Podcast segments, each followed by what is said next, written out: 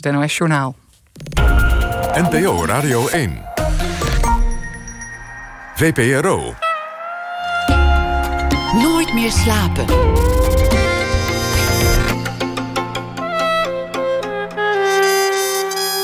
Met Pieter van der Wielen. Goedenacht en welkom bij Nooit meer slapen. Er was altijd wel ergens een wielertoernooi of een wedstrijd waar verslag van moest worden gedaan. Werk was toch ook een vorm van vakantie. En als er niet al die uitzendingen waren, dan verscheen er wel weer een sportboek. Mijn gast komend uur leefde voor de sport. En toen ineens de pandemie er kwam, toen werd sport officieel een bijzaak verklaard. Niet meer essentieel. En 2021, het jaar erop, was het raarste sportjaar uit de geschiedenis. Vanwege de uitgestelde Olympische Spelen. Vanwege raar beleid. Voetbal mag wel, maar hockey mag dan niet. Herenvoetbal wel, damesvoetbal niet. En we zelf, wij zelf, het publiek, wij hielden op met bewegen. Terwijl dat dan net zo nodig was om de pandemie te bestrijden. Dat je fit bent. Raar allemaal. En dan waren er ook nog wedstrijden zonder publiek. En zag ik dat nou goed? Gingen sommige spelers daardoor een beetje minder hard lopen, een beetje shocken zelfs. En was er dan een keer wel publiek, dan liep het totaal uit de hand. En dat kwam dan volgens de deskundigen door opgekropte lockdown-energie. Mart Smeets is hier, Nederlands beroemdste sportverteller. En hij heeft een verslag gemaakt van dit vreemde sportjaar 2021. De titel Doorstart. Mart Smeets, u kent hem wel. Presentator, schrijver, verslaggever, verteller van verhalen en onverbeterlijke romanticus. Geboren 1947. Mart, dank dat je hier wil, uh, Dank je wel. Pieter, dat ik hier mag zijn. Het is weer eens leuk om s'nachts in de studio te zitten. Eh, dat heb ik zo lang gedaan, 25 jaar s'nachts radio gemaakt. Ik heb het vaak gehoord, plaatjes ja, draaien. Ja, dan was jij klaar met, eh, met het oog. oog, en, en, en ik heb de laatste eh, vier, vijf jaar heb ik s'nachts NBA-basketbal gedaan. Dat deed ik dan hier vanuit Hilversum. Voor Ziggo deed je Voor dat. Ziggo, ja. En daar ben ik... Omdat de, het was een rechte situatie. Precies hetzelfde waarom Formule 1 daar weg is gegaan. Is ook dat Amerikaanse basketbal daar weggegaan. Dus ik ehm, verkeer nu in de omstandigheid dat ik s'nachts slaap. Dat wil zeggen, slecht slaap. Je bent een slechte slaper. Nee, nee, nee. Er is nog zoveel anders te doen. Ik, ik, Dus er is altijd wel iets wat eigenlijk leuker is dan slapen, waardoor je denkt, nou ja, dat slapen kan ook nou, keer. als ik, als, ik een, als ik een American voetbalwedstrijd of een honkbalwedstrijd kan meepikken bij ESPN, dan eh, laat ik dat eh, niet lopen. Dat is wel gek, want dan, dan lig ik dus gewoon in mijn nest. En rechts naast mij ligt mijn vrouw. En die is, die is eigenlijk ook wel een beetje, een beetje sportgek. Die wil dan wel een helft meekijken. En een van de poesen kan al honkbal volgen. Dat is echt waar, want die volgt het balletje. Dus die kijkt met dat kopje ja, zo met mee. dat kopje zo mee. Dus dat, ja. Ehm, dus nooit meer slapen is voor mij geen gekke titel. Het gaat wel een beetje over jou. Je, het, is, het is je nooit gaan vervelen, de sport. Hoe, hoeveel Nee. dingen kijk je wel niet? In, in dit boek Heel veel. Eigenlijk alle sporten. Voet- voetbal is misschien niet je favoriete sport, maar daar weet je eigenlijk nog steeds heel veel vanaf. En dan kijk je zelfs nog naar, naar Emmen en dat soort clubs. Dus dat volg je ook. Is er wel eens een wedstrijd die je mist? Dat je denkt, nou, deze sla ik dan toch over. Ik heb zelfs vanavond na 10 minuten eh Feyenoord Heracles gekeken. Nee, bij, bij ons thuis is, is de verhouding eh, heel simpel. Mijn vrouw is van voetbal. En die kent ook die spelers. Die kijkt ook naar eh, het programma van eh Derksen en Van der Gijp. En ik doe alle andere sporten. En tennis is zij eigenlijk ook wel van. Dus wij hebben in januari hebben wij eh, twee weken lang Australian Open. Nou, dat is s'nachts kijken. En in september is de US Open. Dan hebben we ook twee. En dat is, ja, dat is heel gezellig.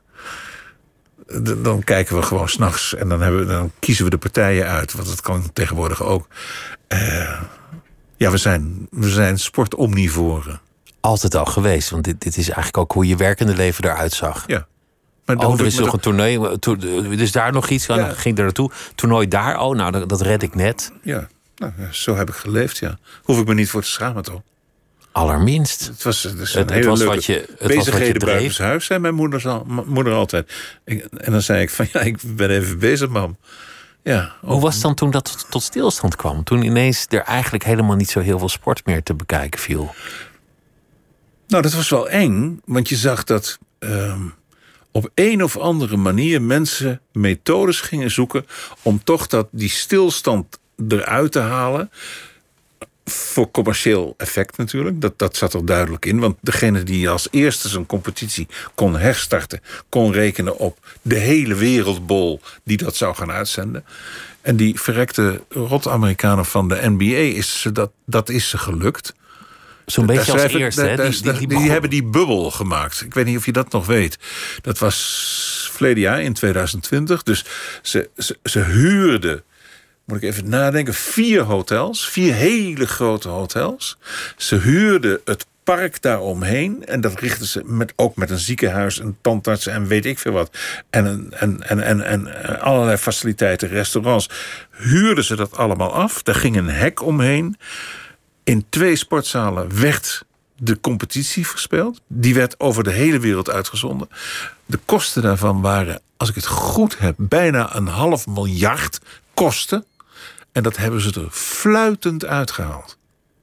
Door alle rechten te verkopen van Nieuw-Zeeland naar IJsland en van China via Nederland naar weet ik veel waar, naar de Faroe-eilanden.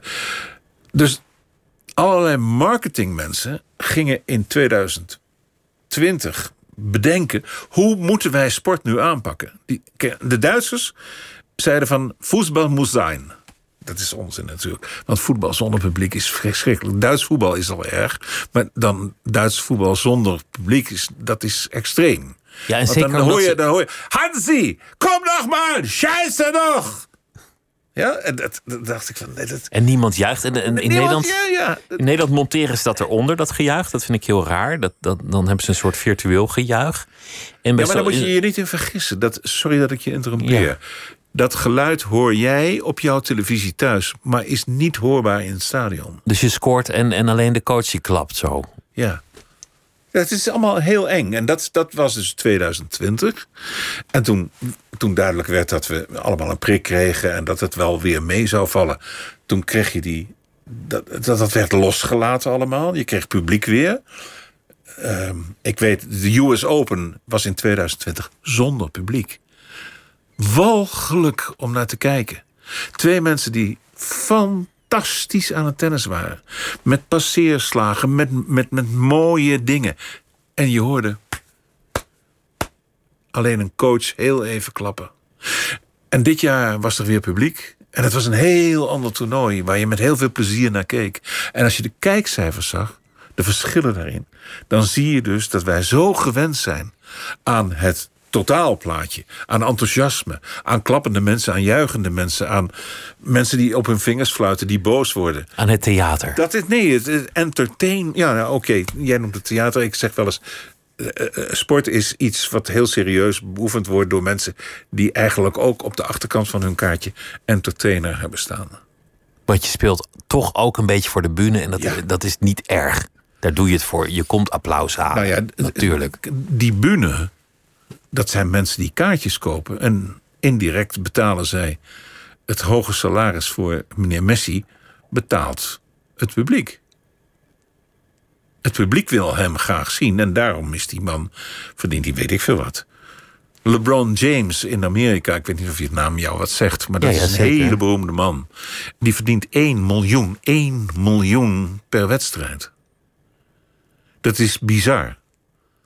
Dat, het is insane. Het is belachelijk. Niemand is 1 miljoen per wedstrijd waard. Maar de wereld is zo gemaakt. Nou, en daar verbaas ik me over. En daar heb ik dus een beetje rondgekeken van... zijn daar verhalen van te maken? Nou, die zijn er. En nou. Dat heb, je, dat heb je opgeschreven. Het was natuurlijk ook zo tragisch dat sommige carrières ineens op pauze werden gezet, wat in een sportcarrière eigenlijk niet kan.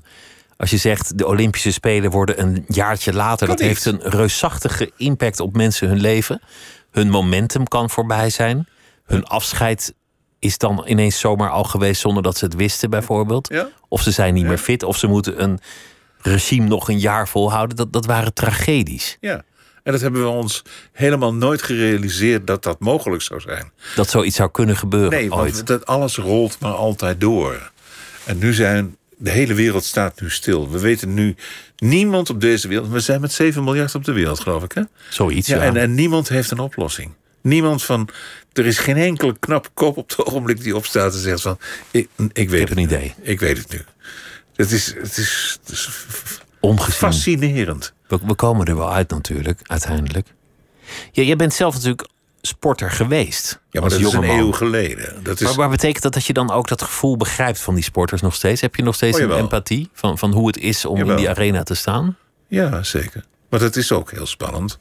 Je doet dingen die je, die je aangeleerd hebt. Iemand heeft ze aangereikt. Je hebt techniek geleerd. Je hebt, je hebt leren nadenken. Dus je hebt ook tactiek geleerd. En dat kan je uitventen met... Ik herinner mij dat ik voor 5000 mensen speelde. Dat is heel, dat is heel eng. Dat is dat de eerste keer als je als een jongen... die tijd ik- zeker. Een- Zes, een ik was enorme- 16. En, en, en dan liep je dat veld op en dan kreeg je applaus en weet ik veel wat. Dus zo ben ik opgevoed. En eh, gelukkig heb ik, heb ik een keuze kunnen maken. Al vrij snel toen ik in de 20 jaar was. 21 Ik was 22 of zo. Toen, vond ik het echt wel, eh, wel heel, heel leuk om wat anders te gaan doen. En toen heb ik wel ingezien van, van eh, dat wat je gedaan hebt, dat zie je nu van anderen. En dat heb ik geleerd te appreciëren. Dus ik, ik, snap, ik snap wel sport. Je snapt de psychologie van de speler die daar ja, staat. Ja, En, de, En het moet de- nu en de- gebeuren. en de angst en de, en de onzekerheid. En, eh, ik, ik, ik neem een voorbeeld eh, uit dat boekje. Ehm, er was. Ik moet het goed vertellen, want ik moet. De, het was in Op 1. Op 1, de, het programma van, Ja, ja. van op televisie. Met die tafel. Met die tafel. Waar ehm, toen die jongen Schimmelpenninck nog eh, eh, presenteerde. Die heeft nul kennis van sport, dat is helemaal niet erg. Maar die heeft een algemene ontwikkeling. En die stelt op een gegeven moment de vraag aan een mevrouw van de Turnbond... of het de norm was, dat zei hij letterlijk... is het de norm die al die vervelende trainers... die al die meisjes maar opgejaagd hebben, beledigd hebben... voor vette tor uitgemaakt hebben... die de meest verschrikkelijke dingen met ze gedaan hebben... ook nog seksueel misbruikt hebben. Vernederd, Is, maar. vernederd, alles, alles, alles. Maar is dat de norm? Dat is een goede vraag, Dat, toch? is een, dat was de vraag. Dat was een prachtige vraag van hem. Want het is namelijk de norm geweest. Maar toen kwam er een eindredacteur bij op één... en die riep, nee, we hebben nog een leuk onderwerp. En toen werd het afgekapt. En toen dacht ik van, oh, wat erg. Dat venster ging open en de deur ging weer Ja, dicht. eh, uitgerekend hij, die, die een beetje filijne, leuke, jeugdige opmerkingen maakte in dat programma. Hij zat precies goed. Hij stelde de juiste vraag. En die mevrouw kon heel voorzichtig via een zijdeur... Want, want wat hij eigenlijk vroeg is: hoe heeft dit kunnen gebeuren? Waarom hebben jullie weggekeken? Ja. Is dit dan normbesef in de ja, sport? Ja, dat is het. En hij, hij, hij deed het zo goed. Maar jij, jij maakt je ook in je boek kwaad en terecht over wat er is gebeurd met, met die jonge turnsters. En, en die schandalen zijn veel te laat aan het licht gekomen. En toen er één aan het licht kwam, kwamen ze allemaal aan het licht. En bleek het allemaal veel groter en veel enger en veel angstaanjagender. Ja. J- Jij bent, jij bent iemand die door en door van de sport houdt. Dit soort misstanden, doen die jou pijn? Raken die jou, maken die jou kwaad? Ja, maar ik weet dat ze bijna overal bestaan. In, in alle sporten. Ja, nee, om, niet in alle sporten. In alle, in alle vormen van onze samenleving worden mensen gekleineerd. Worden mensen.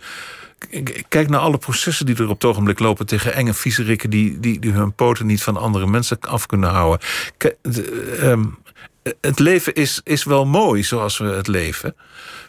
Maar er zitten wel een heleboel hobbels en kuilen zitten er voor mensen die jong zijn en die niet weten hoe ze in die wereld moeten staan. Die turnmeisjes is een voorbeeld.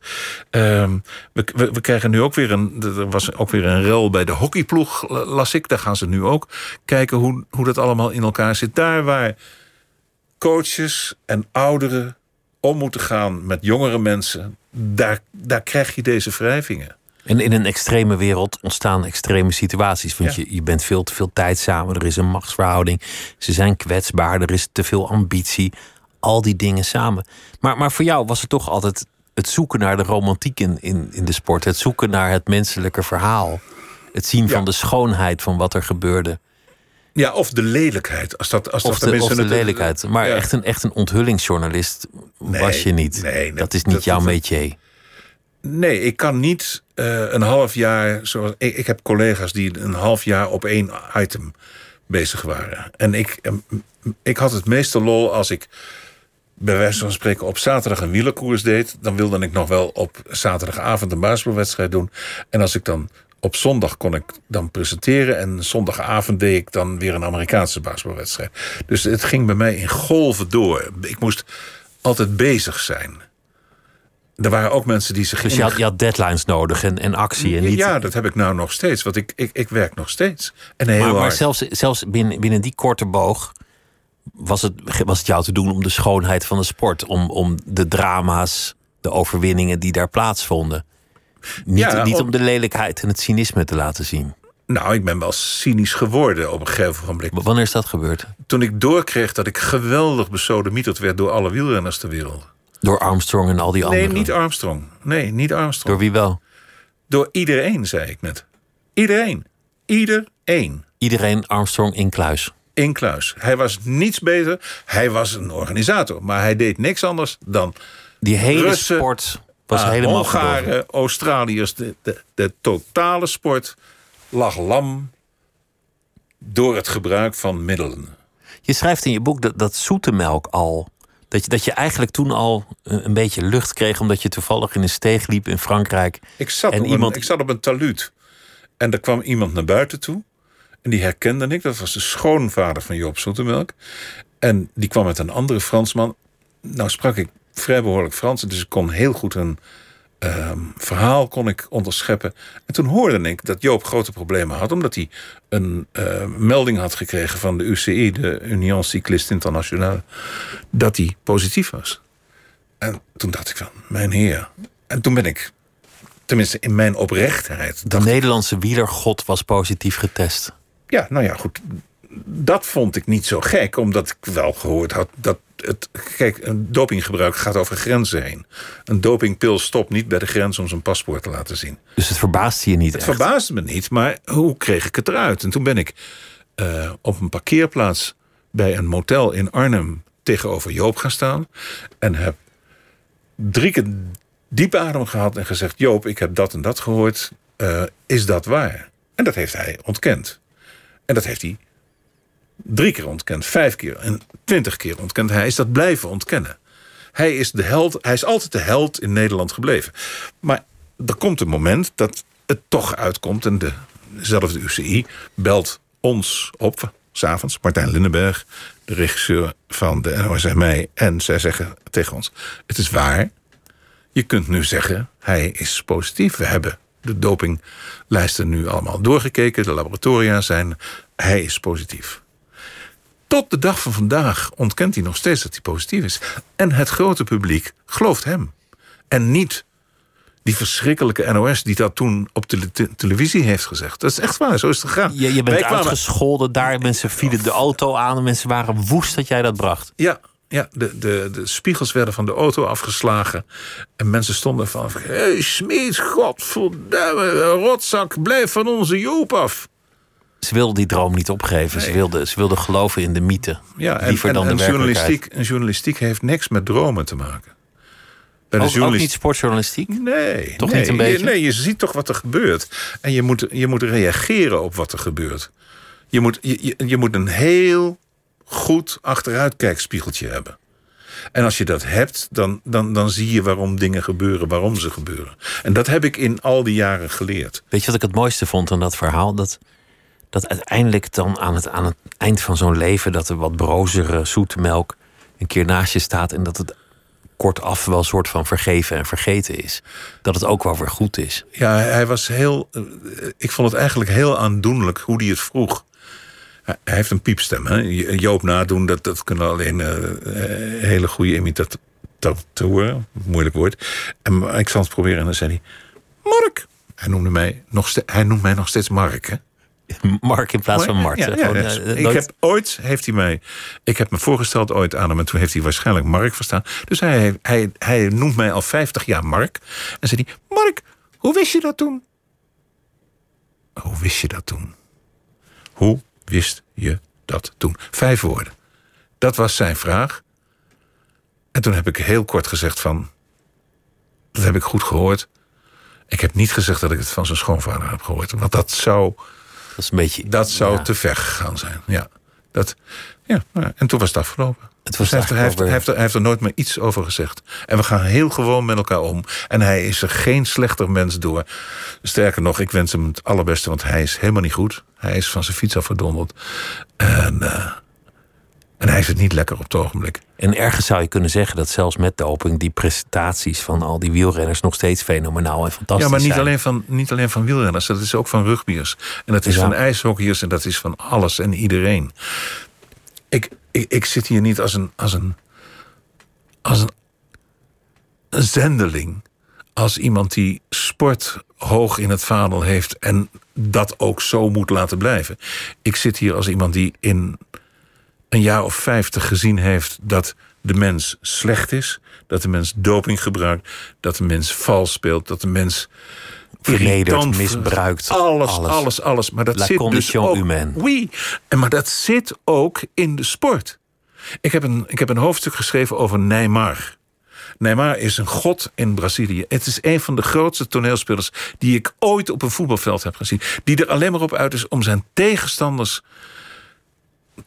Namelijk een naam vinden voor iets wat eigenlijk naaien heet. Maar hij, hij stelt zich zodanig aan dat hij de scheidsrechter wil laten weten dat hij onheus wordt bejegend, dat hij wordt geschopt. En hij, hij, kriel- hij kringelt over het veld heen, doet het, is zielig. En, oh, Maar die man is toch gewoon gek? die is ook gek. Die is maar die wordt dus aanbeden door hele volkstammen. Er zijn in, in, in Parijs zijn er 20.000 jongetjes die met Neymar op hun rug lopen. Terwijl ze niet weten dat hij de boel besodemietert. Maar, maar Mart, jij schetst een beeld van, van de journalistiek toen je nog heel dicht bij die spelers kon komen. Toen het allemaal nog iets knulliger was dan nu. En nu, ja, je hebt het toch over een wereld waar het geld dienst uitmaakt. Ja. Waar ego's uit voegen groeien. Ja. Waar, waar vals wordt gespeeld. Waar Ja. het eigenlijk alleen maar om de commercie draait. Waar je als journalist min of meer buitenspel staat.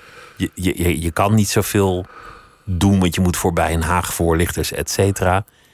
Dat, ja, de- dat is eigenlijk een, een beetje één grote teleurstelling. Er is toch eigenlijk niks over van die romantiek van de sport. Van die nou, misschien dat, het, misschien, dat het wel, misschien dat het wel die romantiek is die ik mee heb gemaakt van het moment. Ik, ik ben. In 1965 kwam ik in het Nederlands team. Dus 35 en 21. Dat is 56 jaar belachelijk. Als ik er eh, aan denk. Dus uit die tijd, daar beginnen mijn hersens toen te werken van hoe leuk het is om met een sterk lichaam een goede wedstrijd te spelen en 16 punten te maken. Om fit te zijn en Ja, jong. en, En, nee, en, en om een wedstrijd tegen België te winnen. En om een toernooi te mogen spelen in Hongarije, waar ik nog nooit geweest was. En om met meiden uit te gaan op een, een Portugees strand, weet ik veel. Dat was het leven van toen. Dat heeft zich toen voortgezet in de interesse voor de journalistiek. Ik heb fantastische voorgangers gehad. Ruud van den Ende bij de Tijd, katholieke krant vanaf dat moment. En Bob Spaak hier in Hilversum bij de NOS. Die hebben mij geleerd om naar sport te kijken. Bob Spaak zei, ga jij maar naar München toe. Dat zei hij op de dag na de aanslag 72. van de Palestijnen. En toen, toen stuurde hij mij gewoon naar München toe. Hè, van den Ende. Zei, jij gaat daarheen. En ik kwam tegenover Bob Spaak te zitten. En die vertelde me toen het verhaal daar. Ik had niet eens een kaart om mijn nek. En ik kreeg aan het eind van de dag van Bob Spaak daar... de kaart van Joop van Zeil. De nieuwslezer van NOS. Die protesteerde tegen de gang van zaken zoals daar aanwezig. En die had gezegd, ik ga naar huis. Met Henk Terlingen samen. Waar Joop- hij eigenlijk gelijk in had. Natuurlijk had hij gelijk in. Natuurlijk had hij daar gelijk in. En ook die, die elf sportmensen van Nederland. En daarom werd ik dus naar eh, München gestuurd. En daar ben ik gaan kijken naar. Wat, wat gebeurt er eigenlijk op zo'n groot wereldpodium dat geregeerd wordt door, door oligarchen die daarboven staan en mensen die overal in banken en in, weet ik veel, in de hoogste regionen van, van onze wereld huizen, die zitten daar op de tribune. En één daarvan was Avery Brundage. Zegt die naam hier nog wat? Dat was de naam. Dat was een hele verschrikkelijke, een extreem vervelende man. Die eh, besluiten nam, die, die, die helemaal haak stonden op wat het tijdsbeeld aangaf. Begin jaren zeventig, we gingen ons allemaal vrij voelen. eh, De, de vrije liefde kwam. eh, eh, De, de, wereld werd anders. De studentenstakingen waren net achter de rug. En hij nam het woord in München na die aanslag. En riep toen: The games must go on. Schandalig achteraf gezien. dat die spelen zijn doorgegaan. Ja, in de historie. Nu, als je, nu, ja, als je de elf Dat- mensen dood en op dat, op dat vliegveld, dat- die schietpartij, dat is allemaal te eng voor woorden. En daar ben ik begonnen, met, met die beelden. En dat heb ik steeds in mijn rugzakje meegenomen. En ik heb overal gespeeld en ik heb overal wielerwedstrijden Dus als ik zeg teleurstelling, dan, dan zeg je eigenlijk ja, ik begon daar al. Dus, dus ik wist al hoe, hoe cynisch het kan zijn. Ja, en ik het- kende de lelijke kant heus wel. Ja, ja, natuurlijk kende ik die wel. Maar die, die hebben we ook altijd benoemd bij, bij, de NOS. Wij, wij waren geen, geen roeptoeter van de, van de internationale sport. Ben je gek? Als een wedstrijd slecht is, dan zeg je dat die slecht is. Als iemand faalt, dan zeg je dat. Dan mag je dat zeggen. Er is alleen één ding, en waarschijnlijk wil jij, en daarom noemde jij ook zo makkelijk eh, de naam Armstrong. Wij konden nooit, wij, de eh, internationale pers, konden nooit Armstrong pikken. We konden hem nooit betrappen. Nooit. Niemand. Oh, maar dat zou ik ook niet van je vragen. Nee, nee, dat- nee, maar dat, dat, dat vroegen Dat wij was een wel. instituut, dat- het was een- ja, maar een dat vroegen wij wel van onszelf. Het was een bedrijf. Ja, het was, en, maar wij hadden helemaal niet door hoe dat in elkaar zat. Dat is pas naar voren gekomen toen de FBI in Amerika zich erachter heeft gezet. De FBI. De FBI heeft Armstrong gepakt. Niemand anders. Maar, was- maar, maar, toch, maar toch kijk je met evenveel liefde naar zoveel wedstrijden. Lig je s'nachts in je bed terwijl je, Ja. terwijl je vrouw al een beetje in slaap dommelt. Kijk je naar al die wedstrijden. En zie je nog de schoonheid en de opwinding. Ja. Dat is, dat is Ja. er Het is met nog de volle steeds- kennis van alles. Ja, maar het is nog er- steeds hartstikke moeilijk om een, eh een twee-honkslag te geven als je met eh, eh, één punt achter staat in de laatste inning. En dan vind ik dat fantastisch. Ik doe het ze niet na, dat is, Nee. dat is een feit. Nee, maar daar gaat het niet om of jij het doet. Ik kijk bewust naar professionals. Ik zie een Mathieu van der Poel, om maar een naam te noemen. En dan zie ik iets bijzonders. Maar ik zie ook een roeiploeg. En dan denk ik van, jeetje mina. Roeien is vier jaar lang jezelf de touwtakken trainen. Ja, nauwelijks aan studie toekomen. Nauwelijks een sociaal leven hebben. Omdat je graag naar die ene Olympische Spelen wilt. En je wil daar met nog zeven anderen in een boot... wil jij graag een gouden medaille halen. Dat is wat die mensen doen. En ik snap waarom ze het doen. Ik heb zelf geroeid, omdat ik dat leuk vond. Ik zie hoe wij daar tegenaan kijken. En hoeveel krijgen zij daarvoor als je dat vergelijkt met die meneer LeBron James die 1 miljoen voor één wedstrijd krijgt? Zij krijgen niets. Zij zijn alleen maar doordrongen van het feit dat het leuk is en dat het sociaal verantwoord is om met acht kerels in een boot of acht vrouwen in een boot te gaan zitten en dan zo hard mogelijk te roeien. Hoe lang duurt een roeiwedstrijd, Pieter? Zes minuten en 23 seconden. Weet ik veel. Zoiets, hè? Dat zal het zijn. Zes minuten en 23 seconden. Alles uit je lijf roeien wat je hebt. Dat er geen vezel meer is die nog heel is. En daar heb je een jaar naartoe gewerkt. Vier jaar. Iedere dag trainen. Iedere dag trainen. En ja, er was er eens een keer eentje ziek en die werd dan vervangen. En hoe moeten we dat? En hoe moeten we zus? En hoe moeten we zo? En weet je wat er met die mensen gebeurde? Bij de Olympische Spelen van dit jaar? Kan je het nog herinneren? De roeiploeg moest in quarantaine. Ja, het was super ongezellig. Ze hadden toen gespeeld en toen moesten ze meteen op de eerste vlucht naar huis. Ze mochten niet eens een, een uurtje blijven hangen. Zij mochten helemaal niks. Ze moesten gewoon naar die baan en toen gingen ze in, dat- Meer dat- niet. Meer in dat- niet. In die gekke baai van, van, eh, van Ja, Tokio. Ja, ja. En, En dat meteen is werden dan ze, stond er een busje al met pruttelende motor klaar na de wedstrijd van jongens, mondkapje Weg- op en wegwezen. terug naar de KLM en naar Amsterdam. Het is, Ja, ja. En dan stond er in Amsterdam stond er een bus en die bracht ze dan weer naar Den Haag. En dan mochten ze als helden voor de televisie komen. dat was tragisch. Dat is, ja, maar dat is het tragische van deze tijd. Ben ben jij zelf obsessief geweest in je leven eigenlijk? Zit, zit dat eigenlijk ook in jou? Dat, Ja, als ik werk. want Mijn- sport mijn vrouw- is, sport is per definitie obsessief. Maar, ja, maar mijn vrouw zegt dat ik, dat, dat ik van mijn werk een obsessieve bezigheid heb gemaakt. Ja. Want, je, want je, je was denk ik meer aan het werk dan strikt genomen thuis. Als ik het in uren of minuten zou moeten In narekenen. mijn actieve NOS-tijd ja. En nu werk ik gewoon thuis. Eh, mijn, mijn stoel aan de keukentafel staat achter een, een, een hoop papier, boeken, naslawerken, een computer, eh, een telefoon.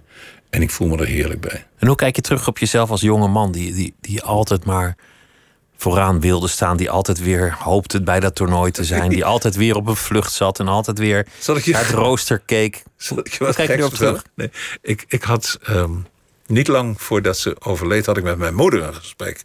Mijn moeder was een hele eh, wereldse vrouw. Heel, eh, ze las veel. ze was suffragette. Ze was links georiënteerd. Ze liep mee in protestmarsen. Eh, maar, ze was heel keen. En op enig moment kwam ze bij ons, dat weet ik nog. En toen zei ze: "Ma- ma- Mag ik wat vragen aan je? Hoe lang doe je dit nog? Ik zeg: Nou, dat- weet ik niet, maar, het het is heel erg leuk. Maar zou je niet eens een vak gaan beoefenen, zei ze toen. En Na al die jaren vroeg zich Nee, af nee, van, nee, nee dat, was, dat was in 36. Toen was ik een jaar of. Nou, een kleine twintig jaar bezig. Ja? En toen zei ze: Zou je eens niet een vak gaan een leren? echt vak. Een- Ja, dat, ze- ze- zij Zoiets. vond, nee, zij vond dat ik historicus moest worden. Dat, dat had zij altijd bedacht. nou, daar was dat- je wel goed in geweest trouwens, weet je dat? Mm, Dat, Dat gaat toch ook dat over denk het ook. vertellen van Dat- verhalen dat denk en het hebben dat denk van een ik ook. Maar dat, dat, heb ik ook weer van mijn opa meegekregen. Dat was een intellectueel. Eh, en, en, en die dacht daarover na. En, en die had mij ook wel een beetje die kant op, op geduwd. En dat was de vader van mijn moeder. En eh, mijn moeder vond dus... ga nou een vak leren en dan, dan, dan komt het wel goed. Maar altijd maar achter wielrenners en basketballers en honkballers aanlopen... Dat, dat, dat zag ze niet. Dat, Is je verder wel eens verweten door andere mensen thuis, door je kinderen? Nee, ik heb een zoon die ehm 24 uur per etmaal eh, aan honkbal denkt. Mijn dochter eh, heeft heel behoorlijk softbal kunnen spelen en is zeer sportgeoriënteerd, weet veel, werkt bij de, bij de televisie. Dus die zullen het mij nooit eh, kwalijk nemen. Die zijn eigenlijk net zo, die snappen dat. Ja, die zijn ook wappa. En mijn vrouw is, eh, als ik het goed heb, 89voudig international geweest. Dus ja, als ik wat zeg, snapt zij waar het om gaat. En vonden ze het nooit jammer dat je, dat je veel weg was en dat je Jawel, als het op tv was, dat je s'nachts in dat heeft me- dat eerste, dat heeft me mijn eerste huwelijk gekost. En dat vind ik ook heel erg, dat weet ik. En daar boet je ook voor. Maar ik was niet meer voor reden vatbaar op een of andere manier in die tijd. Ik moest werken, obsessief van mezelf. Ik moest naar de Ronde van Zwitserland. Ik moest naar de Ronde van Luxemburg. Ik moest naar die wedstrijd. Ik wilde daar kijken. En dat, ja, dan, dan maak je brokken. En dat je, is, zag het niet. Je zag niet welke, welke problemen er ontstonden. En Eh, nee, want het werk was zo belangrijk geworden. Dat, is, ja, dat, is, dat heb ik moeten ervaren. En ik ben niet de enige. Gelukkig. dat gebeurt veel mensen. Ja, dat neemt maar veel in de journalistiek ook. Dat je, dat je jezelf onderdompelt in je werk. Dat het werk zo belangrijk wordt... dat dat eigenlijk het leidmotief is om te leven. Terwijl je het om moet draaien. Je moet leven om. om wat, hoe moet je het omdraaien? Wacht even hoor. Je, je werkt niet om te leven, maar je leeft om te werken. Of andersom. Wat is het eigenlijk? je, je leeft niet om te werken. Nee, dus je werkt om, ook niet om, om te leven. Nee, maar je leeft om te leven. Ja. Ja, nou, Dat- ja dat- maar dat had, ja. ik, dat had ik niet meer door. Omdat dat werk had alles overgenomen. Het is eigenlijk een blikvernauwing, hè? Voel meer dan dat zelfs. Dat, dat, ging, dat gaat op enig moment gaat dat vreselijk aan je vreten. Hoe heb je dat gedaan toen je, toen je tegen de muur was aangelopen en dat je dan vol in verdriet zit en dat iedereen van je gewend is dat je maar doorwerkt en dat ze dan zeggen van nou, hey, dit eh, toernooi komt eraan en dat toernooi. Het was toen verleidelijk geweest om gewoon te vluchten in dat werk. Om door Het te was ook gaan. een vlucht. Het, was ook een, het werd ook een vlucht. Dat, daar ben dat ik van kan. overtuigd. Daar ben ik van overtuigd, ja. En daar heb ik pas heel veel later, door veel praten en goed nadenken... en ook naar anderen luisteren, heb ik gezien dat, dat, dat ik niet de enige was. Ik had, ik had meerdere collega's die tegen diezelfde muur aankletsten. Boom. En dan? En naar wie luister jij? In zo'n geval? naar mijn eerste en mijn tweede vrouw. Naar de kinderen. En ik heb een stuk of 1, 2, 3, vier vrienden. Die ehm, weten waar mijn handrem zit. En die kunnen zeggen, Mart, Kom op, man. doe Ja. normaal. Ja, nou, normaal is werken, zou ik zeggen dan. Die zeggen van, doe even wat anders. Kom even met je voet op de grond terug. Hallo, wij zijn hier. Ja? Dus als ik dan aankwam op Schiphol, dan bedacht ik al... morgen moet ik de trein van tien over half negen hebben vanuit Haarlem. Dan ben ik wat aan en dan kan ik de eerste presentatie. En zo, dat, die obsessiviteit, als dat een zelfstandig naamwoord is die, die, die attitude in ieder geval, die, die heeft mij behoorlijk lang achtervolgd en heeft een, een soort van deken over mijn bestaan gelegd. Totdat duidelijk werd van, wacht even. Heb ik alle zwemlessen van de kinderen meegemaakt? Nee. Heb ik het afstuderen van mijn zoon meegemaakt? Nee. Heb ik de leuke wedstrijd van mijn dochter gezien... die zij op een zaterdagmiddag ergens speelde? Nee, dat heb ik niet gedaan. Waarom heb je dat niet gezien? En het komt nooit meer terug. Nee. En dat zijn dingen die je zelf dan gaat afvragen. Hoe moet je dat solderen? Hoe is dat nu? Want je zei nu leef ik eigenlijk aan mijn keukentafel. Ja, is heerlijk. Lekker ik, ik heb een huis waar altijd wel sport te kijken is. Ik schrijf veel. Ja. En je, je doet ook andere dingen. Af en toe ga je dan s'nachts naar een studio. Nu niet meer, maar dat, deed voor kort voor de Dat NBA. ja. Dus er is genoeg, maar een, een heel ander bestaan. En zeker met COVID, want je, want je Ja, maar COVID heeft mij wel erg rustig gemaakt. Het, ik, ik, ik kom bijna niet buiten. Het is dat ik hier nu in Hilversum eh, tussen eh, jullie muren zit. En ik ben nog niet vandaag met zoveel mensen in aanraking gekomen als ik net. Jij was er en er waren 1, 2, 3, 4, nog vijf andere mensen. Dus ik, ben, ik heb nu zes mensen vandaag gezien. En ik heb vanmiddag he- heb ik met twee anderen gesproken. Dus dat is mijn wereld nou nu. Maar dat is een bewuste keuze. Omdat ga- je, ik- dat je kwetsbaar bent ik ben met je kwetsbaar, gezondheid. onder, ja, onderliggende, eh, onderliggende de, oh, je, oh, je zegt het van vraag daar maar niet op door. Nee, ik trek zo'n gezicht. En dat, zie, dat gezicht eh, zie jij. Nee, maar daar hoef je ook niet mee te adverteren met zoiets. Een feit is dat ik ontzettend moet opletten. En in dat opletten heb ik mezelf opgelegd dat ik dan iets anders moet gaan doen. Dus dan ga ik een boek schrijven. Ik ben nu met een verschrikkelijk leuk nieuw boek bezig. En het idee van weer een nieuw boek heb ik vanmiddag met die twee mensen besproken. Dus dat gaat gewoon door. En dan, dan komt die drive er weer. Wat, wat gebeurt er als je die infectie zou krijgen eigenlijk? Wat is, het- wat is, het, wat is, wat is het gevaar? Wat heeft de dokter gezegd? Van, eh, Ja, dat ik op moet passen. Want anders moeten ze met zes planken binnenkomen. want je hebt iets met je longen, toch? Een soort long, dat- dat- longdingetje. ja, Maakt verder niet uit. Ja, maar, maar goed. dat- Ik praat er niet over. Dat, dat gaat weer een, dan gaat het weer een eigen leven leiden. Dan krijg je weer roddelrubrieken. Dat is allemaal niet nodig. Ik pas goed op mezelf. En ik zorg dat ik niet in grote massa's kom. Ik ga niet Dat zou naar iedereen toe. moeten doen, Ja, trouwens. dat, ja, maar goed. Ik doe het. En intussen schrijf je dan. Dan, dan ben je met je gedachten en, en, je op, en schrijfmachine. opzoeken en, en, en, en, en controleren. En is dat juist en weet ik veel wat. Schrijven is hartstikke leuk. Ik bedoel, eh, ik heb, er is ooit zo'n zo'n zo'n wie schrijft blijft eh, idee gekomen van als je nou maar gewoon altijd datgene wat je denkt ook opschrijft en dan wordt het tegeltjeswijsheid of het wordt een klein boekje of het wordt een groot boek of het wordt een, het wordt een bestseller. Dat doet er allemaal niks toe. Maar schrijven is heel leuk.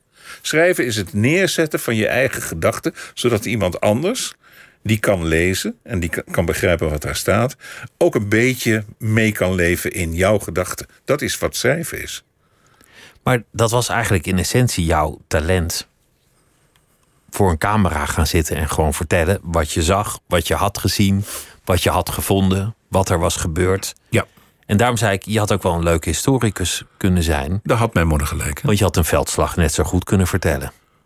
Zij kwamen van links en die kwamen van rechts. En, eh, en het was spannend om die reden en dit was het drama. Zoals je het nu zegt, zou ik de hele Amerikaanse burgeroorlog kunnen eh, gaan vertellen. Hoe dat in elkaar zat. Hoe die generaals Lee en Grant tegenover elkaar stonden. En in welke berg ze op moesten. En waar de slag van Manassas was. En welke persoonlijke drama's Ja. en wat er op het Ja. spel stond en wat er verrassend was. broers En- tegen broers vechten en weet ik veel wat. Dat, ja, dat zou heel mooi gekund hebben. Een verhalenverteller dus eigenlijk in Ja. essentie. Is, is, dat, is dat iets wat je van iemand hebt meegekregen? Want je zei, Van mijn opa. je opa die vertelde al verhalen. Ja, mijn opa was. ehm, ik wil niet zeggen intellectueel, ehm, maar dat denk ik haast wel.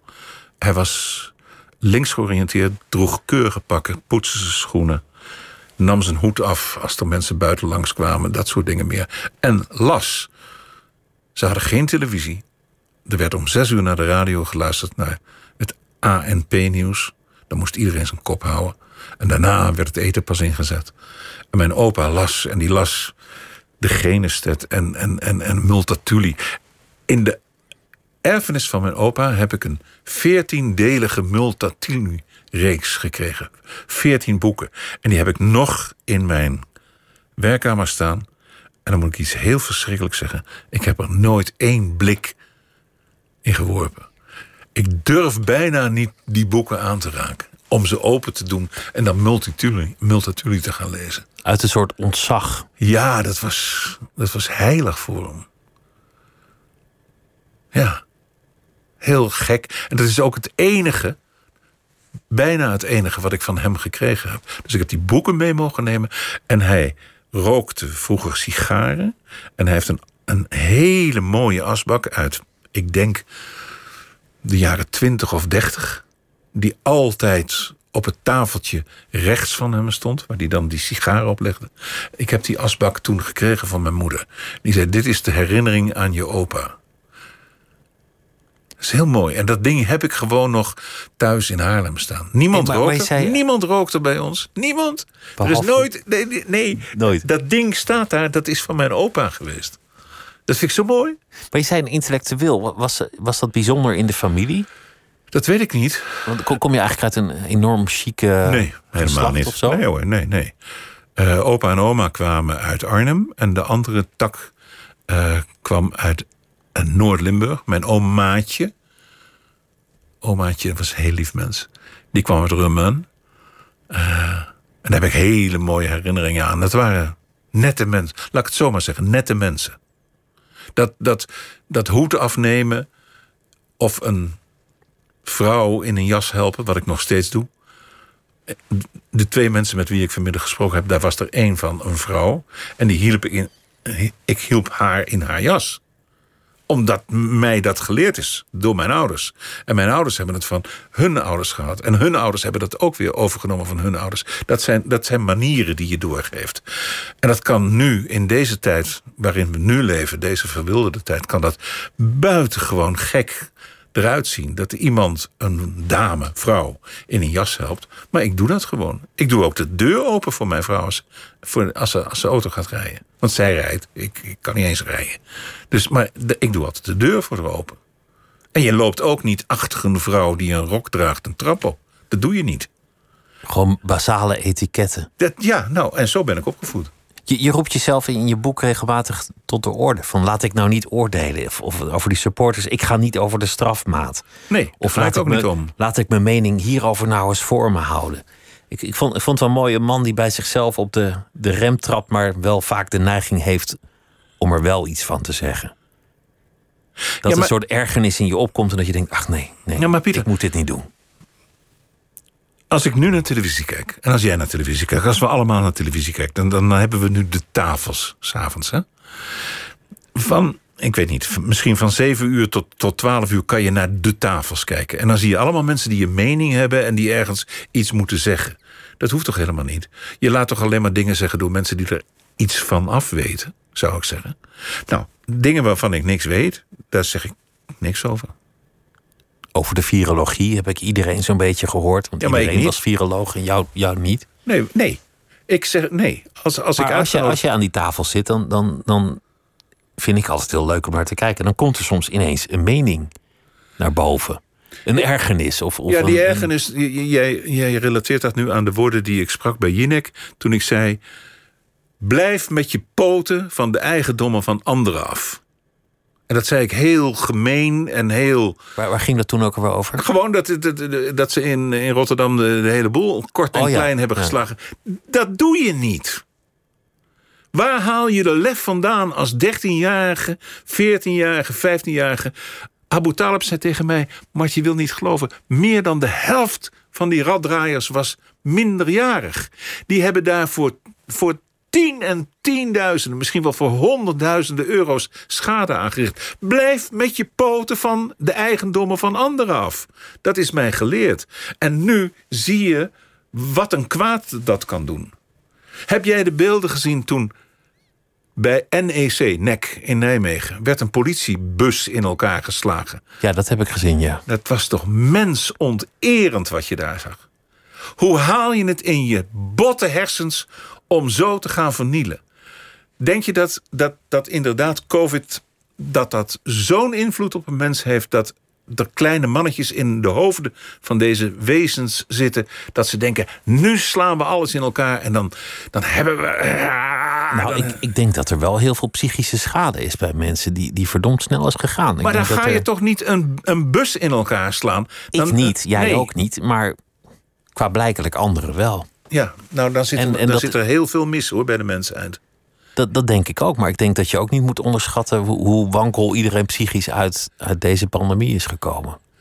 Ik denk dat, dat, zal er, ik dat zeker, er- dat zal ik zeker niet ik denk dat het, hoe vies we het ook vinden, we, we toch goed naar de oorzaken moeten kijken, anders ga je het nooit voorkomen. Nee, maar je moet jezelf wel in acht kunnen nemen. Ik vind het een gegeven van een mens dat hij zelfdiscipline heeft. En je blijft met je poten van een ander af. Ik heb, wat ik niet vergeet, in 2020 was er een protestactie op het Museumplein in Amsterdam. En daar was een mens, een medemens, ook iemand met twee benen en twee armen en een hoofd erop. En die gooide toen een fiets om de nek van een politiepaard. Gruwelijk. Hoe kan je zoiets bedenken? Hoe kan je zo slecht zijn? Zo ongemanierd? Zo proleterig? Dat je een edel dier dat daar staat... een fiets om de nek gooit. Dat was om te janken. Maar, maar voetbalsupporters, nu we het daar toch over hebben, dat, dat is toch helemaal geen omgeving voor, voor, een, voor een toch man van manieren zoals jij. Nee, dat is het ook niet. Dat is natuurlijk Dat echt, het schuim der natie wat op die Nou, tribune zit. Ja, maar dan, dan scheer je die mensen over één kant. je dat is- ook, nee, ik ken ook heel veel mensen die graag naar Ja, het maar stadion Pieter, gaan. Pieter, daar staan mensen met manieren tussenin. En het is hun wekelijkse uitje. Het is hun wekelijkse manier van even anders te kleden. Er staan advocaten staan er op een voetbaltribune die hondenlul roepen. Ja, en die hebben, hebben een capuchon, zo'n zwarte capuchon op. Dat is hun uitje geworden. Zo is de wereld aan het veranderen. Dat het een soort vrijplaats is waar ineens de Ja, regels niet gelden. Het. Daar mag het. Daar mag het. Hoe is dat voor jou? Want je bent jarenlang op televisie geweest en juist bij sportliefhebbers. Dus als jij in Haarlem lang, langs, een, langs een druk terras liep, pre-COVID. Ja, dan krijg En, ik het. en het was zaterdagmiddag en iedereen had, had zijn pulletje bier op. Ja, dan kreeg ik het te horen. Ja. En dan, Dat moet toch een vreselijk nee, bestaan maar dan- zijn? Nee hoor, helemaal niet. Dat, is, dat, is, dat weet je. En dat is wat Bob Spaak mij geleerd heeft. Hij heeft gezegd, jongen, luister. Je gaat nu op televisie komen. En daar ga je van merken hoe vervelend dat soms kan zijn. En hoe leuk het ook kan zijn. Maar het vervelende aspect blijft hangen. Het vervelende aspect is dat je dreigbrieven krijgt. Dat ze dreigen dat ze je kinderen zullen vermoorden. Dat soort dingen heb ik allemaal meegemaakt en heb ik geleerd. En dan moet je gewoon, en het klinkt bijna bijbels, je andere wang toekeren. En dan zeggen van, oké, Stoïcijns zijn. gewoon doorlopen. Ondanks dat je iemand bent die zich zo makkelijk ergert aan menselijk gedrag. Ja. Ondanks dat, je, dat, je, dat er een cultuurcriticus in je schuilt die zegt van waar zijn de manieren? Ja. Als het jou treft, dan ha- haal je adem, dan loop je door. Mijn, dan kom ik weer bij die op- opa terug. Die had een waanzinnig mooi gezegd. Waar je eens goed over na moet denken. Op een gegeven moment hadden wij het over mensen die aan het protesteren waren. En toen zei mijn opa... Die mensen zijn zo dom dat ze het zelf niet eens weten. Dat is raak getypeerd, hè? Zo dom zijn dat je het zelf niet eens weet. Dat is mo- mooi gezegd. En het is, het is natuurlijk ook de grote paradox dat hoe minder je van iets weet, hoe meer je denkt dat je deskundig bent, hoe dommer je bent, hoe slimmer je denkt dat je bent. De allerdomste vinden zichzelf Einstein. Ja. Terwijl Einstein waarschijnlijk van zichzelf de beperkingen van zijn intelligentie zag. Omdat hij kon zien waar zijn kennis reikte. Ja, tot waar zijn kennis reikte. Ja. Tot waar zijn kennis reikte, ja. ja. Ja, maar het is zo mooi. Ze zijn zo dom dat ze het zelf niet eens weten. Betreur je dat je beroemd bent geworden? Dit is niet beroemd. Dat is bekend. Bekend. Er is een verschil tussen beroemd en bekend. Einstein is beroemd. Bernard Haitink was bekend. En jij beroemd. was bekend, maar en niet ik beroemd. Was, nee, ik, nee, beroemd natuurlijk niet. Nee, nee. Ik, ik gevierd, nee, toch? Nee, ja, nee, nee, gevierd en gehaat. Vergeet dat ook niet. Oh ja, ja, dat is Ja, waar. voor, de een, Ja. voor de een deed het goed en voor de ander deed het niet goed. Dus dat is helemaal niet erg. Daar, daar, de, de oude spaak heeft mij daar wel op gewezen. Van let op, er komt kritiek. En er zijn mensen die het gewoon niet met je eens zijn. Eh, dat, dat kunnen sportfans zijn, dat kunnen ouderen zijn van jongetjes die spelen. Er zijn altijd mensen die het niet met je eens zijn. En die zullen hele gekke dingen doen. En ik heb heel lang gedacht van dat raakt mij niet. En dan op het moment dat ze gaan dreigen dat, je, je- dat ze je kinderen gaan, eh, iets aan gaan doen. Dan heb je wel iets van, jongens, is het dat allemaal waard om op dat kastje nou even heel stoer te gaan roepen dat die en die gewonnen heeft en dat dat en dat niet klopt en dat Heracles van de graafschap gewonnen heeft. Ja, dat is een gevolg daarvan. En eh, ik ben er vrij handig in geworden om. En je hebt nooit gedacht, had ik dat nou wel moeten doen? Nee, ik, heb, ik vind dat. Je, je moet doorgaan waar je in gelooft. En ik geloof. Ik geloofde. Toen ik nog bij de NOS werkte. Ik geloofde in de pure manier van waarop wij sport vanuit de hele wereld op het beeld brachten voor de Nederlandse kijker. Daar geloofde ik echt in. Het is nu, wat is het nu? Het is nu, ik ben zeven jaar nu weg bij de NOS. Eigenlijk vijf, want ik ben een, beetje door gaan werken. Maar goed, ik ben vijf jaar weg en ik heb een iets wat andere kijk op zaken gekregen. Maar ik vind niet dat op het moment dat je kritiek krijgt op de manier van werken, dat je dan in de hooijzers moet en dat je jezelf moet gaan veranderen ten faveur van een betere ik. De betere ik is diegene die je daar had, meer niet. En als ze het met je eens zijn, prima. Als ze het niet met je eens zijn, ook prima. Maar weer, blijf met je poten van een ander af. Dus ik heb eens een keer, het is een heel gek verhaal. Ik heb eens een keer in de trein gestaan. En toen was er iemand die een mes pakte en dat mes op mijn keel zette. En waarom zette die dat mes op mijn keel? Dat is jouw vraag nu, Pieter. Ja, Ja. hè? Die zette dat op mijn keel omdat hij vond dat wij bij Studio Sport Fenerbahce uitzonden voor Galatasaray. En hij was van Galatasaray.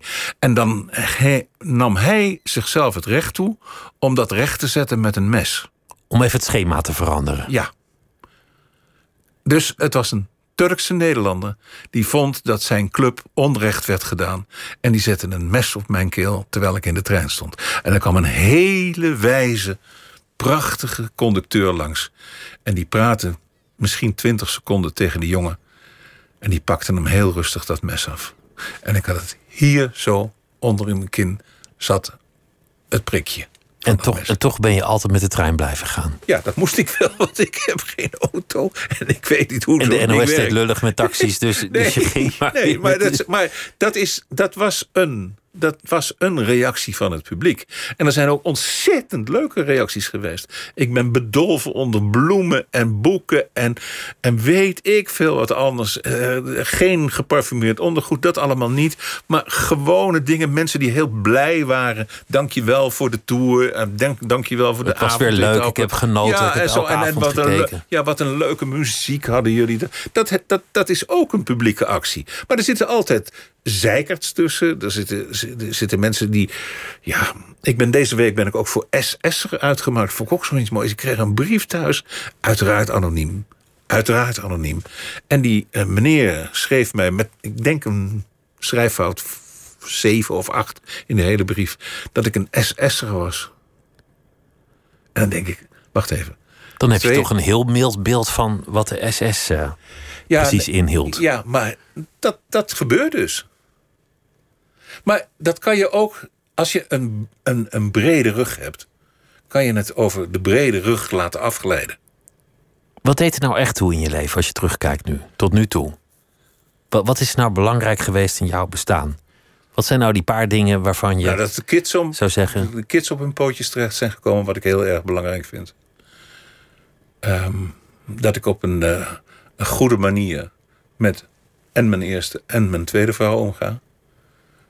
Dat, dat heeft even gekost, maar dat, dat, dat is een hele, hele mooie ehm, geschiedenis geworden. Waar ik heel blij om ben. Ehm, en dat ik iets. Ik, ik kan iets, ik kan een verhaaltje vertellen. Dat vind ik leuk om te doen. Ik heb iets met muziek, dat vind ik leuk om te doen. Ehm, en voor de rest heb ik helemaal geen wensen of weet ik veel wat. Ik heb geen auto, we hebben geen boot, we hebben geen tweede huis. Dat is allemaal niet. We doen hele basale dingen en we hebben het goed. En we drinken s'avonds een glaasje wijn en that's about it. En je hebt natuurlijk wel prachtige avonturen meegemaakt. Ja, ik heb, gezien. Ik heb overal gestaan, ja. Sporters van dichtbij, Ja. legendes die je hebt gesproken en meegemaakt. ja, De reizen die je hebt gemaakt. Hele belachelijke dingen. Op de hele eerste leuke rij dingen. gezeten. Ja, en me afgevraagd hoe kan dit allemaal?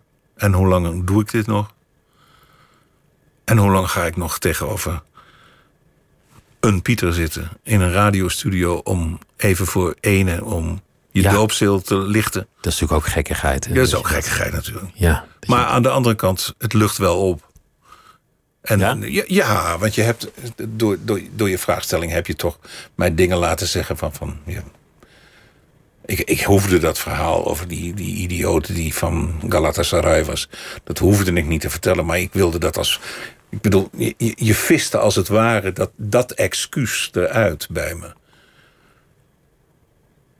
Het is een ik ben niet de enige. Eh, allerlei collega's van mij in alle landen ter wereld die met hun kop op televisie komen. Zeker als het over sport gaat. Ja, die worden herkend en die worden meegenomen en die worden op een schild gezet, maar die worden ook beklad, uitgescholden. Eh, er wordt tegen ze. Nog één. Kees Jansma en ik zitten samen in het Olympisch Stadion van Amsterdam. En het is een mooie augustusdag. En op een gegeven moment zeg ik tegen Kees... Het, het gaat regenen. En Kees zegt, het gaat helemaal niet regenen. Ik zeg, het gaat wel regenen. En ik zit zo te kijken naar mijn kleding en ik zie allemaal dingen. En we kijken boven ons. Er staan vier kerels met de piemel uit de broek... staan op ons hoofd te plassen. Gadverdamme. In het Olympisch Stadion. Nou, het is niet alleen maar glitter en glamour. Mart, wat een smerig verhaal. En wat, eh, wat moedig dat je er zo luchtig onder bent gebleven. Mooi boek geschreven, Doorstart over het eh, sportjaar 2021. Mart Smeets, dank je. Het was er genoeg om je hier eh, te ontvangen. Het gaat je goed, Pieter. Het gaat jou ook goed. En, eh, dit was Nooit meer slapen. Morgen zijn we er weer. NPO Radio 1. Wie luistert, weet meer. NPO Radio 1.